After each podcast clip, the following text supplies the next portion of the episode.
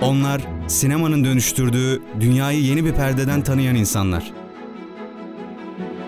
Hayal gücünden yaratılan dostların hikayelerini konuşmak ve onların anlattıklarını aktarmak için buradalar.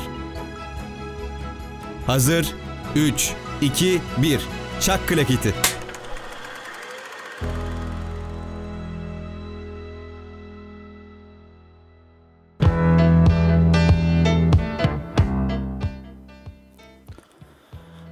Merhabalar, ee, radyoda Klaket'in ikinci bölümüyle canlı yayında karşınızdayız. Yine ben Can Kahraman ve sevgili arkadaşım Barış Gösem'le beraber bugün Climax'i ve kara komik filmleri konuşacağız. Barış nasılsın? İyiyim Can, sen nasılsın? Haftan nasıl geçti? Haftam iyi geçti, güzel dönüşler aldık ilk programımız üzerine. Evet, bayağı da izlenmiş. ya. Evet, rekor kırmışız. Kaç izlenmeydi? 42 mi? 42 izlenmeyle. 42 izlenmeyle e, büyük bir sükse yarattık radyo aleminde. bir kitle oluşturduk ama. Bence bunun en önemli noktası programda sinema ve diğer her şeyin konuşulması olduğunu düşünüyorum. Ben de sana katılıyorum. Aynı zamanda çok duygusal bir durum da yaşadım. Bu bir buçuk yıldır neredeyse hiç yüzle görüşmediğim bir arkadaşım programı dinleyip beni falan aradı böyle. Ee, öyle etkileri de oldu programın. Arkadaşınız hanım mı? Yok, erkek. Tüh. O kadar da iyi bir etkisi olmamış o zaman. Evet, Program. daha iyi olabilirdi. Aynen henüz o kadar iyi bir etkisi olmamış. Ee, peki başka ne gibi dönüşler aldın? Valla film önerenler oluyor. Mesela okulumuzda Ahmet diye bir arkadaş var. Hı hı. O dedi ki önümüzdeki hafta Parazit filmini inceleyin.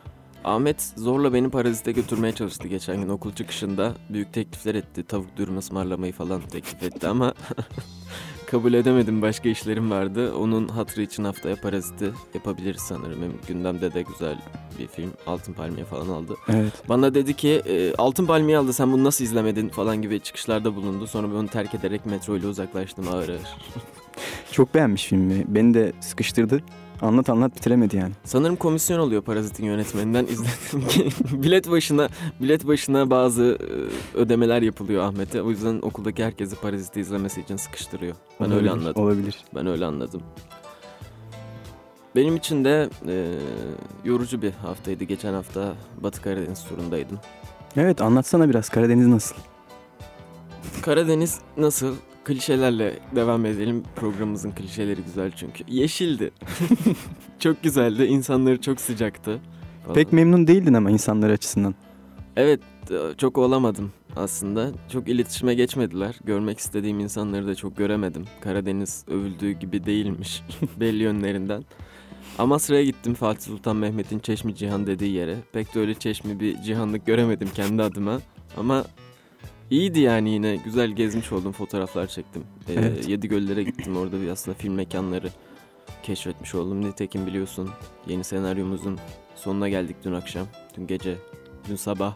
Ne zaman çekiliyor? Ee, kısmetse, kısmetse, kısmetse Şubat'ta. e, Kim oynuyor filmde? Valla Barış diye bir adam var.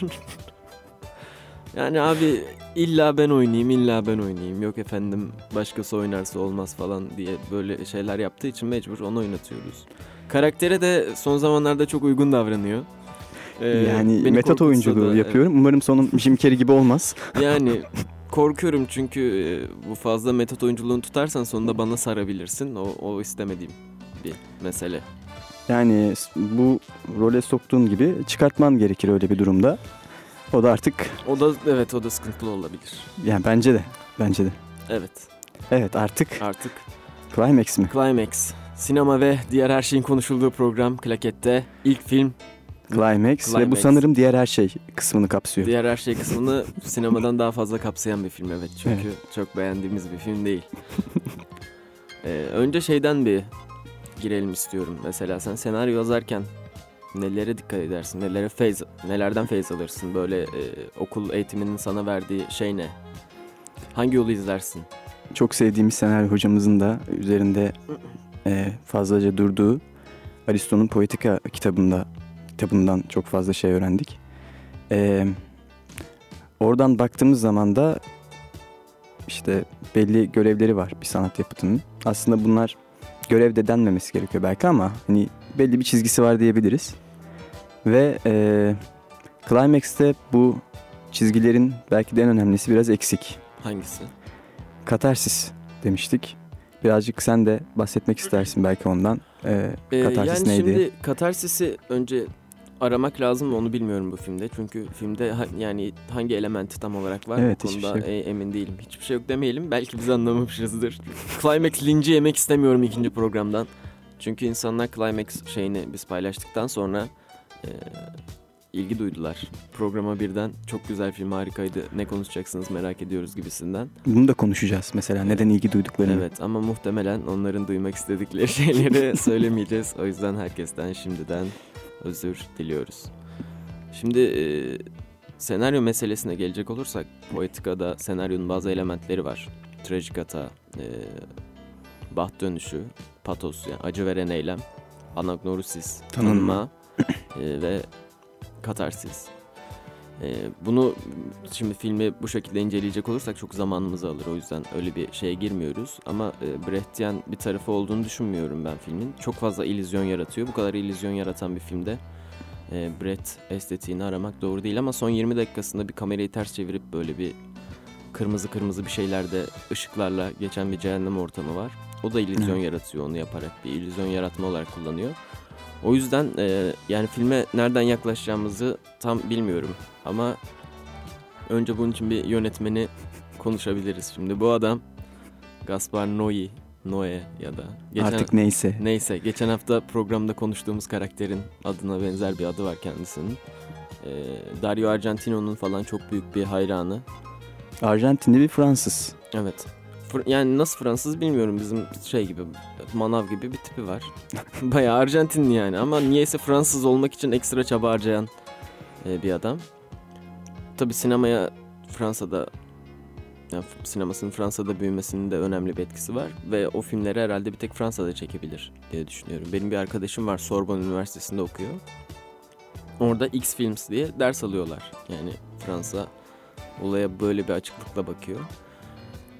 Gaspar Noé da diyor ki ben hani kan ve şiddet dolu bir de bir şey daha dolu bir şey yapmak istiyorum diyor ama onu O e, bir şey. o bir şey e, yayın ahlakı çerçevesinde kullanamadığımız bir kelime olduğu için e, onu şey- yok sayıyorum. Evet. Onu söylemiyorum. Bu adam Irreversible diye bir film çekiyor ve Irreversible da şey improvize yani doğaçlama çekiyor. Bu adamın doğaçlama film çekmek gibi bir özelliği var.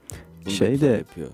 Climax'in de mesela senaryosu 5 sayfaymış ve 96 dakika film. Evet. O da Ve- impro- improvize çoğu yeri. Evet evet. Enteresan. Ee, Irreversible'ın hikayesi de enteresan. Monica Bellucci ile Vincent Cassel bir gün Gaspar Noé'yu barda buluyorlar. Ya diyorlar biz senin hani yaptıklarını beğendik beraber bir şey yapabilir miyiz? Bu Love filmini öneriyor. Love da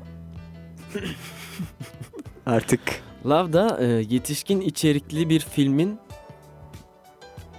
daha sanatsal hali olarak niteleyebileceğimiz bir film. Tabii Vincent Cassel ile Monica Bellucci diyor o da olmaz diyor. Ondan Irreversible çekiyorlar. O çok büyük bir sükse yaratıyor bu yarattığı şey ama Türkçesi dönüş yok. mu? dönüş yok. Evet. Ee, burada Kan'ın tuhaf bir tutumu var Gaspar karşı. Asla büyük yarışmaya koymuyor ama mutlaka e, festivalin bir yerinde bulunduruyor çünkü.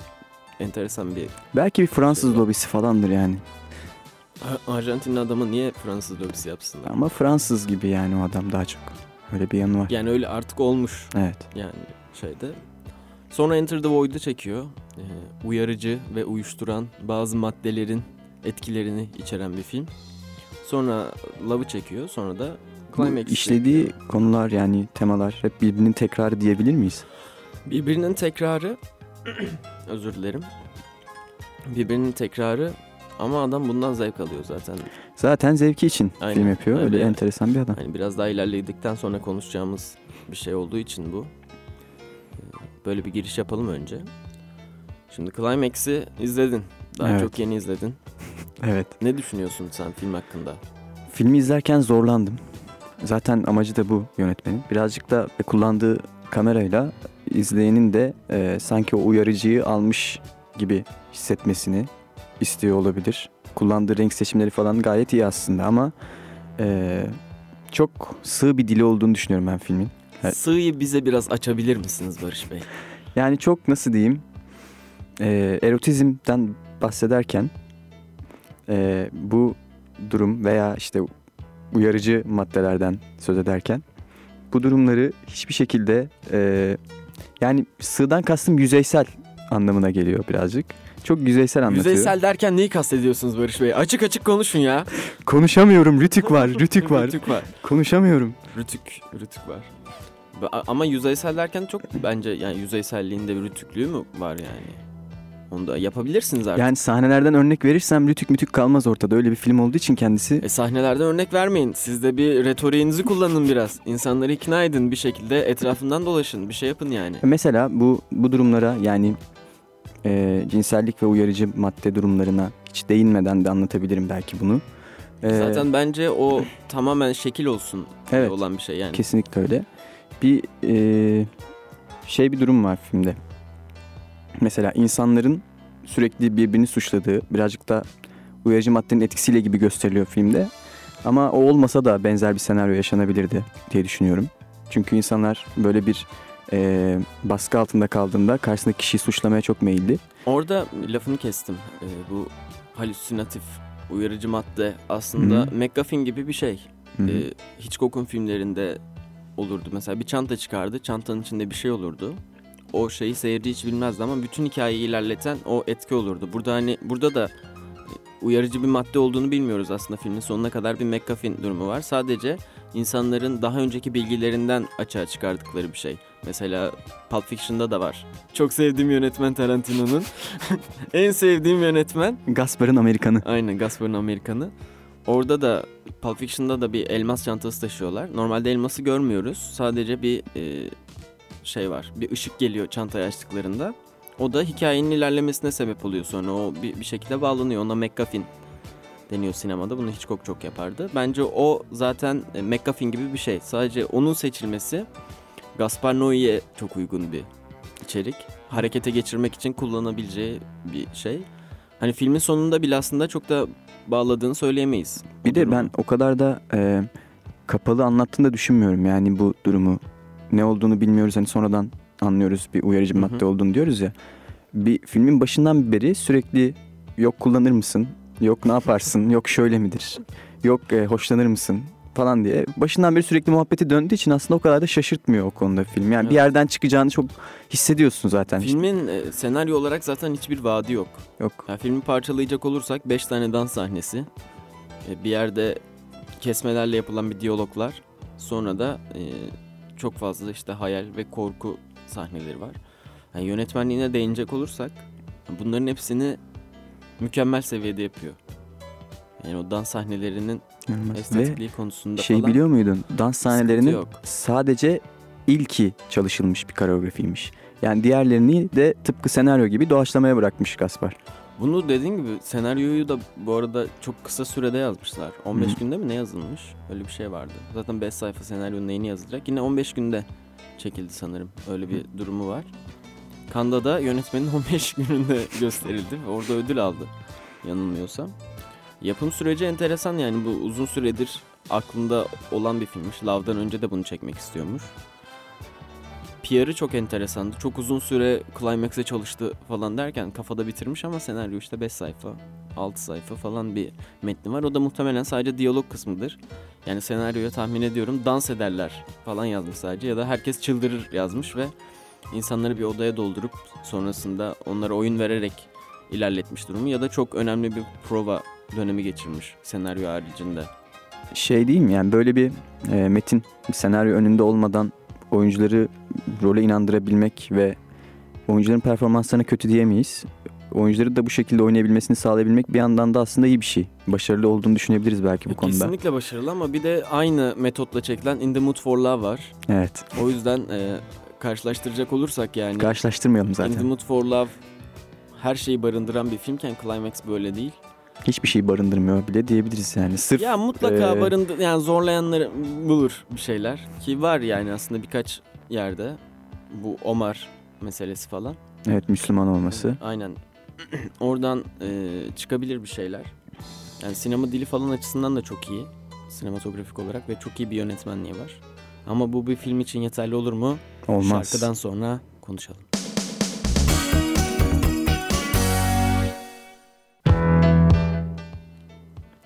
Çok güzel bir şarkıdan sonra geri döndük. Sevdiğimiz bir şarkı. Ben bunu geçen Batı Karadeniz turunda otobüste zorla söyledim. Evet. öyle, öyle bir şey yaşandı. Böyle, anlatmıştım. O ses Türkiye'deki gibi bir anda böyle. Herkes sessizce bekliyordu. Ben şarkıya girdikten sonra o çok iyi girdi diye alkış kıyamet koptu. Çok rezil bir anda. Tek keşke tek bunu söyleseymişsin. Evet sonra da bir devam etti biraz. Ee, Ne yapalım ekmek parası diyoruz. Animatörlük de yapıyoruz. Sadece fotoğraf çekmiyoruz. Bir yandan da her şeyi yerine getirmeye çalışıyoruz. Çok yönlü bir insanız. İsviçre çakısı gibi. Onlarla öyle öyle şeyler şeyler yapmaya çalışıyoruz. Şimdi filmimize geri dönelim. Filmin dediğimiz gibi senaryosuyla ilgili çok bir beklenti yok zaten. Ama filmin yarattığı çok güzel bir şey var. Sansasyon yaratabiliyor. İzleyen herkes için bir sansasyon yaratıyor. Ve insanlar buna çok ilgi duyuyorlar. Sen insanların e, ilgi duymasını neye bağlıyorsun? Bu sansasyon, e, ölçüsüzlük, karakterlerin artık anti karakterler olması, işte e, genelde çok güzel ve yakışıklı adamlar seçiliyor zaten sinemada hep. Bir de onun üzerine onların aşırılaşması, böyle insanların normal hayatta yapamayacakları şeyleri yapması ve bunu artık sınır tanımaz biçimde yapmaları. İnsanların çok ilgisini çekiyor. Nasıl değerlendiriyorsun bu durumu? Yani insanların güzele olan ilgisinden bahsedebiliriz burada. Neden yakışıklı, neden güzel kadınlar, neden güzel kadınlar, neden yakışıklı erkekler seçildi, seçiliyor ve neden bunların yaptığı davranışlar doğru mu yanlış mı diye düşünülmüyor da işte güzel geliyor mu bize görüntü olarak veya eee, o durum içerisinde bize bir haz veriyor mu diye bakılıyor. Eee, bunlara değinmek lazım. Birazcık daha işin sosyolojisiyle alakalı. Bundan önce bir de e, bir şey değinmek istiyorum ben. İşte filmde bazı metaforların e, olduğunu ve filmin aslında e, birçok şeye değindiğini iddia eden, söyleyen bazı insanlar var. Kim o insanlar? Kimse Ekşi, ekşi sözlük yazarları. büyük ihtimal ama ekşi, ekşi sözlükte gerçekten okudum aslında yazdıkları şey mantıklı. evet evet ben bence Ekşi de Sözlüğü mantıklı. karşımıza almayalım da şu an. Yo, ben Yani de güzel, okudum. Güzel şey yapmışlar. İkinci programdan sonra linç yemeyelim. Yok yok ya okuduk okudum ve mantıklı geldi. Mantıklı geldiği için de değinmek istedim zaten. Ee, işte filmde e, Omar diye bir karakter var. Müslüman bir karakter ve e, uyarıcı maddeyi atan kişi kim diye bir tartışma yaşanırken odada e, ilk önce suçlanan kişi o oluyor ve daha ilk önce ötekileştirilen kişi o oluyor. Burada bir e, mesaj olduğu söyleniyor. İslamofobi gibi bir şey. Evet, evet. Onun gibi. Bir de bunun dışında film bu bir Fransız filmidir diye başlıyor. Filmin sonunda ise e, uyarıcı maddeyi katan Halüsinatif madde diyelim daha doğru olsun. tamam. E, katan kişinin Alman bir karakter olduğunu görüyoruz. Aslında e, geçmişte yaşanan polemiklere, savaşlara baktığımız zaman da belki bilinçli bir seçim olabilir bu diye düşünüyorum ben film Olabilir. içinde. Güzel güzel. Ee, bir de David diye bir karakterimiz var. Yine bunu sanırım yani. sözlükte okuduğum bir yorum olabilir bu. Ee, orada onun dediğin gibi Davut yani Yahudi bir karakter Aynen. olduğunu ve e, zenci diyeyim çünkü Türkiye'de Siyahi diyelim yine de biz de o kadar da ayıp. Yani. tamam öyle olsun. Ee, siyahi karakterler tarafından dövüldüğü, darp edildiği bir sahne var. Yani iktidarının elinden alındığı bir sahne o sahne.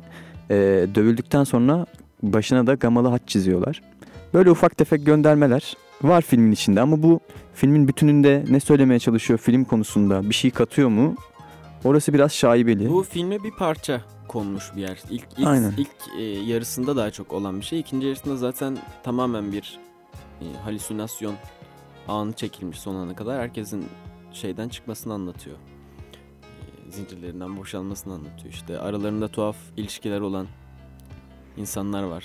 Abla kardeş, abi kardeş gibi. Evet Tu- babam duymasın falan. tuhaf işte. aşk ilişkileri var aralarında falan. Hani Ha, olay- mesela onların da Afrika'yı temsil ettiğini söyleyenler var. O e, o kardeşlerden kız olanın ilk önce Omar'la yakınlaşması yani Afrikalıların Müslümanlara yakınlaşması. Daha sonra e, sözde İsrail'i temsil ettiği söylenen bir karakterle yakınlaşması.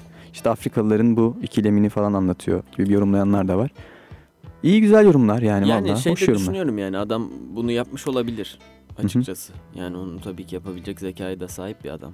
Fakat bu bizi nereye götürüyor yani? Hani tarih kitabını okuyup bunu gördüğümüz, görüyoruz. Hani bunu hangi fikre bağlıyor dersen O konuda ben bir Yani bir önermesi yok, bir sözü yok filmin. Aynen. Öyle bir sıkıntısı olduğunu düşünüyorum. Şimdi hani şeyden bahsettin ya güzel falan. Ee, sinemada şey meselesi var yani sinema hem çok disiplinli bir sanat hem de felsefenin önemli üç dalını aynı anda içinde barındırıyor. Ee, epistemoloji yani bilgi felsefesini doğru mu yanlış mı? Ee, estetik felsefesi güzel mi çirkin mi? Ve etik var işin içinde. İyi mi kötü mü?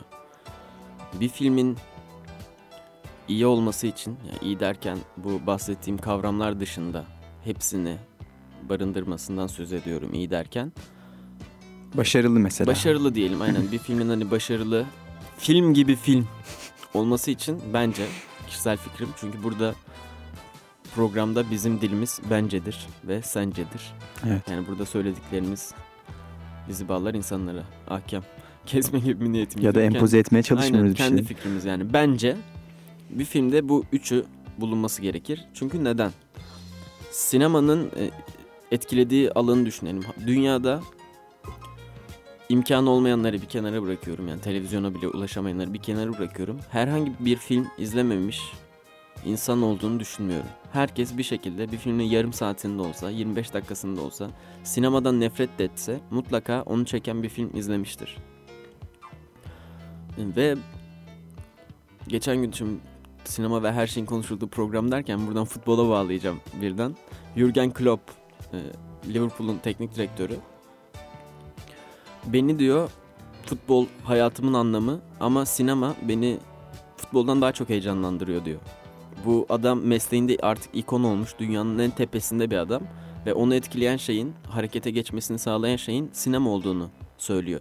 Dolayısıyla filmlerin nasıl o büyük insanlara bile nasıl etki uyandırdığını anlamak mümkün. Daz Leben Derenderen'de de bunun müzik örneği var yani. Bir adamı tamamen dönüşüme uğratabilecek bir şey sanat. Dolayısıyla bir filmin içinde öncelikle hani bilgi olarak bize sunulan şeyin doğru mu yanlış mı olduğunu kavrayabilmemiz lazım. Yani bu şey gibi Midnight Express olması lazım. Eskiden yapılan bir şey. Türkiye'yi tamamen aşağılayan bir film. Dolayısıyla bu bilgi olarak orada sunulan şeylerin hepsi yanlış. Öte yandan e, ahlaki olarak geçen hafta Border'da da konuştuk. Border'la Joker'i konuşurken. Burada da iyi ve kötü ahlaki değerlerden bahsetmek mümkün. Yani kötü yanlış bilgi, kötü ahlaki bir mesaj. Üzerine güzellik koyduğunuz zaman bu iki olumsuz şeyi olumluymuş gibi sunup insanlara etki yaratmayı başarabilen bir sanat. Dolayısıyla çok önemli bir silah ve insanlar pro, yani propaganda için çok kolay kullanılabilecek bir şey. Burada da çok kısa hemen bir örnek. Ee, geçen gün seninle konuştuğumuz için örnek vermek istedim. Propaganda deyince. Hatta bununla ilgili bir filmde Who, e, Look Who Is Back diye bir filmde Evet. e, Hitler'in dünyaya döndüğü, 2014'te dünyaya döndüğü bir film. Yani onu anlatıyor konu olarak. O filmde de Hitler bilgisayarı gördüğünde bu ne büyük propaganda aracı diyordu. Ve aslında şu an o bilgisayarların içinde istediğimiz filmi izleyebiliyoruz. Buradan da sinemanın ne kadar etkileyici olduğunu. O filme girmen çok iyi oldu. Mesela o film bu üç şeyi aynı anda barındıran bir film. Bir kere Hitler ve onun geçmişiyle ilgili verdiği bilgiler, o günkü Almanya ile ilgili verdiği bilgiler, araştırdığınız zaman doğru olduğunu görebildiğiniz Evet. şeyler. Öte yandan güzel bir sinematografisi var. Ee, keyifli, görsel güzelliği var, makyajları iyi, çekimleri iyi. Bir estetik algısı yaratıyor. Ve Hitler'in övmeyen, ahlaki olarak iyi bir film. Dolayısıyla onu izlerken hoşluk oluşuyor içinizde. Gerçek bir hoşluk oluşuyor. Yani bir filmden almanız gereken şey oluşturuyor. Size üç farklı konuda da hem felsefesini hem de onların temel olarak karşıla kelimelerin temel karşıladığı anlamları anlamanıza fayda sağlıyor. Şimdi Climax'te evet bu halüsinatif maddenin olumsuz etkilerinden bahsediyor biraz. Ama orada olumlu şeyler yaşayanlar da var. Yani bir şeyi sürekli göstermek e, bizde bence onu olumsuz olarak göstermekten ziyade sanki örnek alınacak bir şeymiş gibi algılamamıza sebep olduğunu düşünüyorum ben. Yani Evet. tıpkı Türk televizyon dizilerinde işte kadına şiddet meselelerine değinmek isteyip her bölüm 10 kere kadın dövülen sahnelerin konulmasıyla kadına şiddet oranının artması gibi. Bunu müthiş bir estetikle gösterirsen sonunda olacak olan şey bu yani. Evet. İşte Gaspar Noé'de de böyle bir durum var. O kadar pis şeyleri o kadar estetik gösteriyor ki bu insanlara aslında yanlış bir mesaj veriyor. Yani sinemanın bahsettiğimiz bu felsefi alt şeyin doldurduğu felsefi tabanı aslında zedeleyen bir şey onun yaptığı. Ama öte yandan onun yaptığı filmler bu bahsettiğimiz diğer kısım filmlerden daha fazla ilgi duyuyor. İlgi daha fazla ilgi çekiyor. İlgi duyuyor ne? İlgi duyuluyor. İlgi duyuluyor. Aynen. Burada da ben insanların daha sosyolojik bir yere gidecek olursak hedonist yaşamın yani zevke dayalı, hazza dayalı yaşamın çok yükselmesine bağlıyorum bir yandan. Çünkü genel bir dünyaya baktığımız zaman sürekli bir anarşi doğuyor her yerde. Çünkü çok büyük e, ekonomik problemler var. E, sınıfsal eşitsizlikler çok yükseldi. Dünyada zenginlerle fakirlerin arası hiç olmadığı kadar açık artık. Dolayısıyla insanlar bundan kaçacak şeyler arıyorlar. Tamamen güzelliğe ve kafayı yormamaya dayalı. Bu sadece izledikleri şeylerde değil yaşam tarzlarına da e, geçmiş durumda. Ben düşündüğüm bir şey vardı hani sanat ölçünün dilidir diye. Artık sanat sanat hala ölçünün dili ama insanların algıladığı sanatta e, bu şeye döndü yani sanat ölçüsüzlüğün dilidir'e dönmeye başladı. Nerede en aşırı şey varsa e, onları talep etmeye başladılar. Çünkü bu bir yazı yazmıştım. Black Mirror Bandersnatch ile ilgili. E, işte Baudrillard'a falan değinerek biraz. Orada e, incelediğimde şey ortaya çıkmıştı. İnsanlar kendi yapamadıkları şeyleri karakterlerin yapmasından haz duyuyorlar. Buna e, parasosyal ilişki deniyor. Hatta insanların işte film karakterlerine aşık olmaları, gerçek hayatta onlardan birilerini aramalarına varan bir şey bu parasosyal ilişki. Bu olumsuz karakterler ortaya çıktığında insanların ya bunlar gibi olmaya çalışıp ya da etrafındakileri bunlara dönüştürmeye çalıştıklarını görüyoruz. Aslında çok e, sosyolojik olarak çok büyük bir kırılma dönemindeyiz yine bu açıdan baktığımızda. E, algılar değişmeye başlıyor. 70'lerin, 80'lerin, 60'ların getirdiği sinema algısı e, değişiyor. Sanat algısı, yaşam algısı değişiyor tamamen ve bambaşka tamamen gündelik e, zevke dayalı bir yaşama doğru ilerliyor. Sen ne söylemek istersin bu konuda? Ya böyle bahsedince aklıma e, bir şey geldi. İşte Türkiye'de, tek Türkiye'de değildir gerçi. E, komedi filmlerinin gişede en çok hasılatı yapan filmler olması aklıma geldi. Yani toplum o kadar uzaklaşmak istiyor ki bazı şeylerden ve aynı zamanda uzaklaşmak isterken de e, kendisini ruhsal açıdan doyurmak ve bu doyumu da dediğin gibi doğru, yanlış, iyi, kötü şeklinde bir önerme alarak değil, sadece e, dediğin gibi yapamadığı şeyleri yapmak olabilir. İşte görsel olarak bir doyum arayabilir. E, öyle şeyler istiyor e, ve bu durum oldukça kötü bir ilerleyiş içinde. Ee, geçen gün bir film izledim. Asla gözlerini kaçırma diye. Ee, Florian Henkel von Donnersmarck'ın filmi. Bu Almanya ile ilgili İkinci Dünya Savaşı'na dair filmler çeken bir yönetmen. Orada bir sanatçı karakter vardı. Tom Schilling'in oynadığı ressam bir karakter. Doğu Almanya'dan Batı Almanya'ya gidip kendi sanatını bulmaya çalışıyor. Bu bahsettiğimiz sadece şekle dayalı, e, ilginç gözüksün diye yaptığı şeyler sonucunda hocasından bir papara yiyor. Ama çok klas bir papara yiyor. Ve e, sanatın onun içinden çıkması gerektiğini fark ediyor ve yaptığı şeyler bahsettiğimiz gibi gerçeğe dayanan, gerçekten sorumluluk bilinci olan ve bir şeyler anlatan resimler oluyor. Bu sefer kendi olarak ve doğruya ulaşarak yani sansasyon, ilginçlik yaratmaya çalışmadan e, sorumluluk bilinciyle bir yandan onun hatıralarına saygı duyarak yaptığı resimlerle ün kazanıyor. Bence bu güzel bir mesaj. Öte yandan insanları kaçıran yani dünyadan kaçıran bu şey iyi mi? O da tartışılır.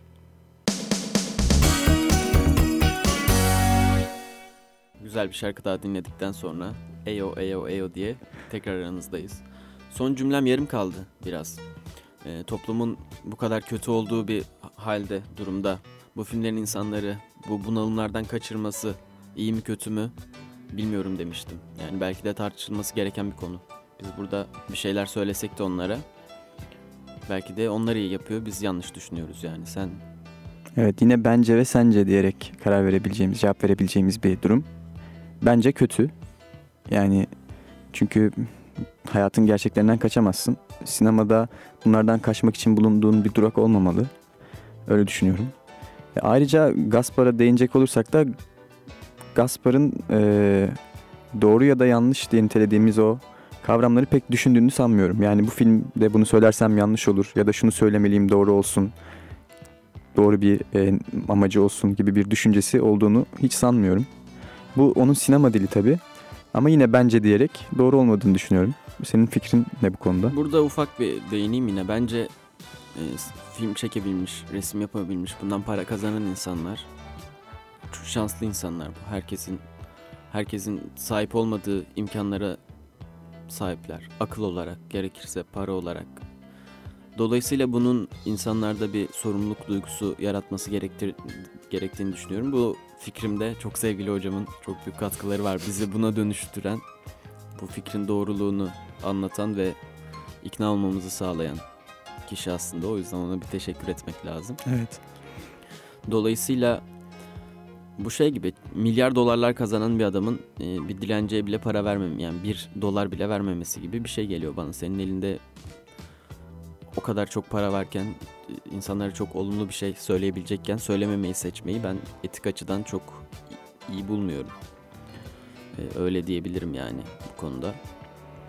Fakat yine de böyle insanlar var. Ne Var. Yakınlarımızda da. Yakınlarımızda da var. her yerde. Onlar her yerdeler. Evet. Ya işte toplumun dönüşümü bu şekilde. Bilmiyorum sorumluluk hissetmemelerini ben çok anlayamıyorum açıkçası. Hani az önce de bahsettik. Yaratabileceği etki çok büyük bir şey. Ben bugün sinema okuyorsam aslında Tarkovski'nin Stalker filmi sayesinde okuyorum ve o benim hayatımda çok önemli bir şey değiştirdi. Ben ömrüm boyunca asla o filmi izlerken hissettiğim o hissi unutmam bu bir hani aydınlanma mı dersin, duygulanma mı dersin, kendini bulma mı dersin. Bir film buna yol açabilirken ve özellikle bu kadar yetenekli adamların bundan kaçması çok iyi gelmiyor bana. Biraz e, kolaycı bir yaklaşım Evet. belki de. Bir de yani o dediğin cümle çok hoşuma gitti benim. Yani milyarları olan bir adamın e, dilenciye bir dolar bile e, verme işi. E, sen belirli bir yerdesin, sinemada yer edinmiş birisin. E, elinde imkanın var, yapımcın var, film yapıyorsun. Ve e, bu yaptığın film kitlelere ulaşıyor. O insanları etkileyebilecek güçte bir yapıya sahip. Ama hiçbir şekilde işin bu boyutunu düşünmeyip sadece kendi e, zevkini ya da kendi anlatmak istediğin meseleleri düşünüyorsun. Yakınlarımızda derken de aslında e, yeni hatta hala vizyonda olan bir filmden yola çıkarak Evet. aslında sevdiğimiz bir sanatçı ama Sevdiğimiz bir yandan da eleştirdiğimiz Cem bir insan. Yılmaz bu isim. Cem, Cem Yılmaz'a Yılmaz. bir değinelim. Öncelikle abi biz seni çok seviyoruz. Seninle ilgili en ufak bir problemimiz yok. Sonra duyunca Twitter'dan laf atıyor. Koca adam. Göndermeli tweet atıyor sonra. Öyle bir şey yok. Öncelikle onu geçelim. Cem Yılmaz'ı herhalde tanımayan yoktur yani. Özellikle göndermeli tweetlerinden sonra. yavrucak falan diyor ya. Bana niye yavrucak desin Cem Yılmaz? Ne gerek var şimdi? Evet ayrıca gerçekten seviyoruz biz yani. Evet gerçekten seviyorum. Ama işte Bu arada se- çok sevdiğim ve güldüğüm filmleri de var. benim de öyle. Fakat fakat fakat fakat Ve lakin. ve lakin Cem Yılmaz'ın sinemasından bahsedecek olursak her şey güzel olacak Gora sonra ne çekti? Hokkabaz, Arok, Arok var. Yaşlı Batı, Ali Baba ve Yedi Cüceler Pek yakında. pek yakında. Ee, Arife 216 Fundamentals falan var arada. onlar, Onlar, onlar film sayılmaz. film sayılmaz. En sonunda kara komik filmleri çekti. evet. Ya sinemasına genel olarak baktığımızda bu insan duyarlılığı yüksek olan bir insan. Zaten stand-up'lardan da biliyoruz. Her şey güzel olacak Hokkabaz ve pek yakında da da Evet. En sevdiğim filmi pek yakında benim. gördüğüm, gördüğümüz bir şey. Fakat kendisi ısrarla bu insani duyarlılığını kullanmaktan kaçınıyor ya. Bir de üstüne üstlük Türk sinemasında maddi olarak belki de en çok imkana sahip olan sanatçı olabilir. Belki değil bence. Evet değil. Yani hiç parası kalmasa bir gün yani paraları yansa yarın bir gün bir yere gidip dese ki ben şöyle bir film yapmak istiyorum ben yine destek olacaklarından eminim. Zaten bu filmleri yapmasının sebebi çok imkanının olması. Çünkü kimseye minnet etmiyor. Ve tamamen fikirle film ya- yapmaya çalışıyor. Bunlardan en önemli fikri zaten biliyorsun Yeşilçam. Yani Yeşilçam filmin bir yerine girsin diye o kadar o kadar uğraşıyor ki filmde eğreti sahneler çıkıyor. Pek yakında da da aynı durum vardı ki pek yakında çok daha güzel bir film olabilirdi. Yine de bence filmleri arasında benim de herhalde Hokkabaz'dan sonra en sevdiğim. E, Hokkabaz bu adam bunu yapabildiğini gösteriyor yani. Tatlı bir yol hikayesiyle insanlara bir şey anlatabileceğini gösteriyor. Her şey güzel olacak da keza öyle. Zaten asla asla yapamayacağını düşündüğümüz bir durum değil. Aynen zaten O yüzden eleştiriyoruz. Sıkıntımız bununla ilgili. Yapabilecekken yapmıyor olması sıkıntı. E şimdi en son artık kara komik filmler çıktı. Gişede inanılmaz kötü diğer filmlere Çakıldı. oranla. Biz sinemaya gittik. En ufak salonda izledik. Yani o kadar Filmi, da o artık kad- şey yani yapıyorlar. Minicik bir salondaydı hakikaten. Şaşırdık yani. Fakat iki arada insanların daha çok eleştirdiği filmi bu bahsettiğimiz şeye daha yakın buldum. Daha insani bir karakter var. Ee, şeyde arabalı feribotta çalışıyor. Aslında Joker'e çok benzeyen bir film. Joker'in Cem Yılmaz hali gibi diyebiliriz. Ama burada çok güzel bir detay var. Joker'de olayı iyiler ve kötüler diye ayırırken bir yerden sonra zenginler fakirler diye ayırmıştı. İki arada da tamamen e, kendi ekonomik sınıfı tarafından dışlanma söz konusu. Yine bir üst merciyle bir çatışma var ama e, üst merci ona yardımcı oluyor bir noktadan sonra diyebiliriz. Zaten halüsinatif bazı anlar falan oluyor. Bir, yani sinemasal göstergesi çok yüksek bir film değil zaten. Hikayesi fena değil bence. Cem Yılmaz'ın oyunculuğunu çok beğendim. Yani İki arada e, da. şey diyebiliriz sınıfsal bir ayrımdan ay- e, doğan bir çatışmadan ziyade e, ötekileştirmeden ziyade aslında kendi sınıfındaki insanlar Yani tarafından iş arkadaşları tarafından aslında iyi yani film hakkında iyi hissetmemin sebeplerinden bir, biri e, ben bir 18 yaşında yeni bastığımda büyük bir mobilya firmasında çalışmaya başladım ve orada yaşanan şeylere şahit oldum aslında. O yüzden bana çok gerçek geldi. Çok otantik geldi bir sürü yeri. Yine bazı yani çok karikatürize gösterdiği yerleri oldu bence. Hani ona gerek yani filmin ona ihtiyacı hiç yoktu. Zaten naifliği çok güzeldi. Naifliğini kendi kendine bozmuş biraz. Yine fikirle ilgili. Yani ilginçlik katmak için o kadar naif bir hikayeyi bozmuş gibi düşünebiliriz ve sonunda sonu söylemeli miyim bilmiyorum ama dikkat spoiler içerir. Deus Ex Machina diye bir kavramımız var bizim yani tepeden inme son. Şimdi hikayeyi ilerletiyor ilerletiyor. Buradan sonrası keyif kaçırıcı ipucu içerebilir. hikayeyi ilerletiyor ilerletiyor sonra aa hepsi hayalmiş moduna bağlıyor. Yani o kadar naif ilerleyen bir hikayeyi o kadar saçma bir yere çıkarıyor ki. Yani zaten oradan dönüş yani o hikayenin o kadar iyi bir karakterin şeyden dönüşü yok. Ya o adamın başarılı olması lazım o kadar kötü olarak ya da başa dönülmesi lazım. Ya o şekilde de yani kötü bir mesaj vermek istemediği için başa dönüyor. Ama gerçekçi bir başa dönüş hani gerçekten şimdi çünkü hayal ediyor ve hiçbir şeyin sorumluluğunu almadan tekrar onu başta görüyoruz. Mesaj olarak mesaj yerine ulaşıyor ama o karakterin yaptıklarının acısını duyarak eski yaşamına dönmeye çalışması bence daha güzel olurdu ki bu hayal şeyinden sonra da yine hissetmiyor değil. Orada Cem Yılmaz'ın çok mükemmel de oyunculuğu yani benim gözlerim doldu. Ben bu arada gerçekten e, dramı daha iyi oynadığını düşünüyorum Cem Yılmaz'ın. çok iyi oynuyor. Gerçekten. Av mevsimindeki performans da çok iyiydi. Şeyde çok iyiydi yani iki arada da fakat yani iki arada da bahsettiğimiz sanatçı duyarlılığı meselesi, e, sorumluluğu meselesini bence yerine getiriyor. Bence daha sık yapması lazım çünkü o komediyi de yapabiliyor aslında. Zaten hani çok zeki bir adam, çok pratik zekalı bir adam. Bir de e, bir şey dedin az önce. İşte e, daha çok eleştirilen film iki arada. Yani kitlenin aslında daha az sevdiği film Aynen. iki arada. Az önce konusu geçti bahsettiğimiz o insanların e, doğru yanlış kavramlarından, iyi kötü kavramlarından bu kadar uzak olması ve sadece güzelin e, değer bulması durumu. E, burada da aslında bunun kaçamakla bir e, bağıntılı bir şekilde Evet. anlatabiliriz belki de. Çünkü kaçamaksa iki aradanın tam tersine çok kötü bir filmdi. Bence. Yine bence. Eskiden korkunç bir film serisi vardı. parodi kom- komiklik yaparlar ve artık B sınıfı C sınıfı bir filmdi yani onlar. Onların komedisi. Kaçamakta ne yazık ki böyle bir şey gördüm. Hiçbir karakter yok. Tiplemeler var. Birçok tipleme var ve tiplemeleri zaten anlayamıyoruz. Çünkü film zaten 60 dakika. Bu tiplemeler bir maceraya çıkıyorlar. Sonra NASA'dan bir kız geliyor falan böyle. Sıfır gerçekçilik. Hani hiçbir yedirme olmadan saçma sapan çok da komik olmayan sahneler. Ve çok yani durduk yere küfürler böyle bir şeyler. Yine bilim kurguya bağlaması. Ve hani bilim kurgu anlaşılacak gibi değil yani şeyleri. Şey demiş bir söyleşide e, oradaki beş karakter işte Türkiye'deki erkeklerin e, iz düşümleri gibiydi demiş. İşte böyle elektrikli sigara içen Yani hiç katılmıyorum. yapan Bu falan. e, yani şimdi mesela Tolga Karaçelik'in Sarmaşık'ta yaptığı şey sınıfları ele almak. Şimdi sen yani sınıfları insanlar üzerinden ele aldığımızda belli kategoriler oluşturabiliriz. E şimdi ortalama şey yapacak 35 milyon tane erkek var. Yani bunların hepsi ayrı insanlar.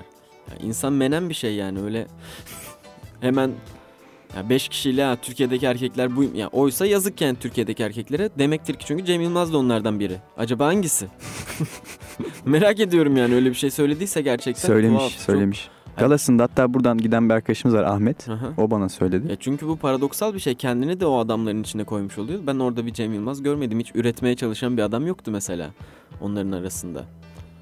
Dolayısıyla e, kaçamaktan ne yazık ki gülmeden hatta izleyemedik bile yani. Şey falan varmış ya bu e, dışkıya e, basma komedisi. Evet yani, Yani gerçekten öyle. Cem Yılmaz'sın sen. Ee, bir yerde işte bu elektrikli sigara olayından Arrival'daki işaret çıkarma durumu vardı. Yani elektrikli sigaradan üfleyerek o işareti nasıl çıkarabilir? Yani komedi olsun diye böyle bir şey yapmanın ne anlamı vardı?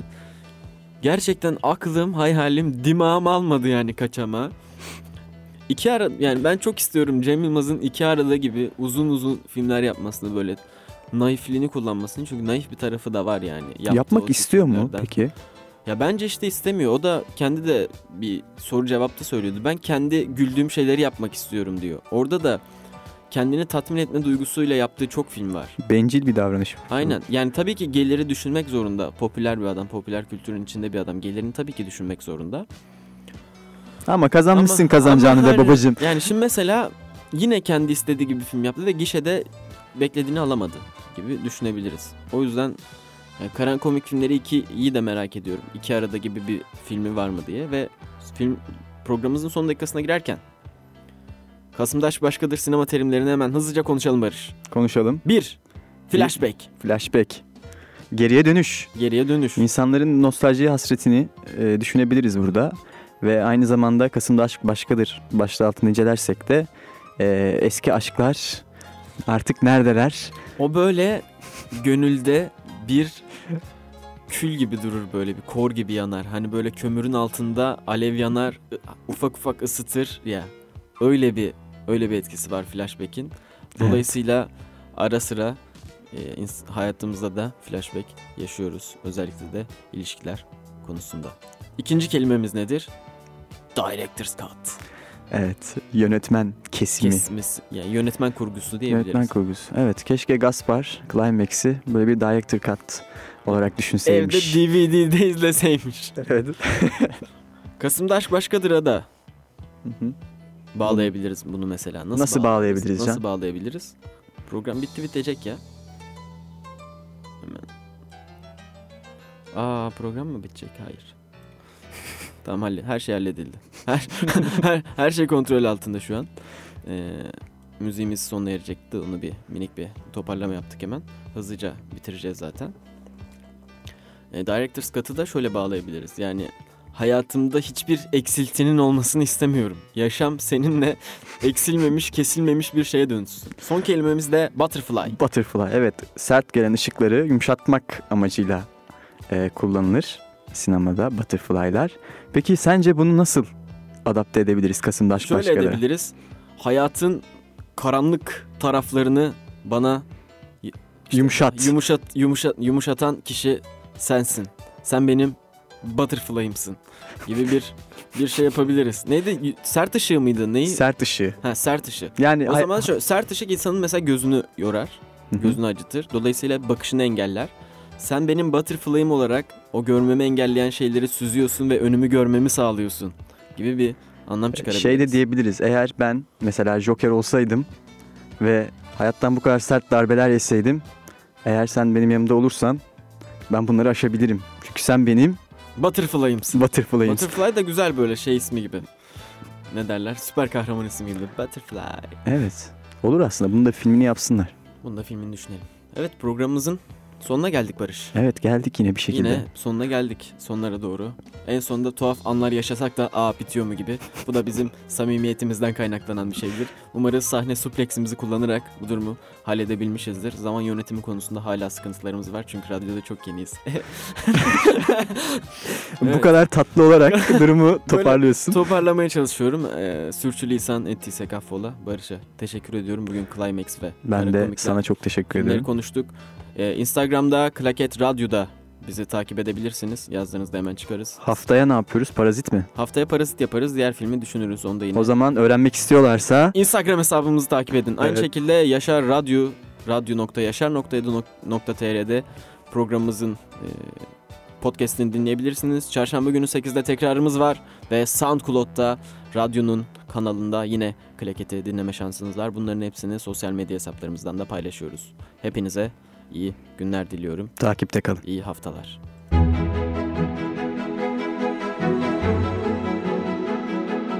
Onlar sinemanın dönüştürdüğü dünyayı yeni bir perdeden tanıyan insanlar. Hayal gücünden yaratılan dostların hikayelerini konuşmak ve onların anlattıklarını aktarmak için buradalar. Hazır 3 2 1 Çak klaketi.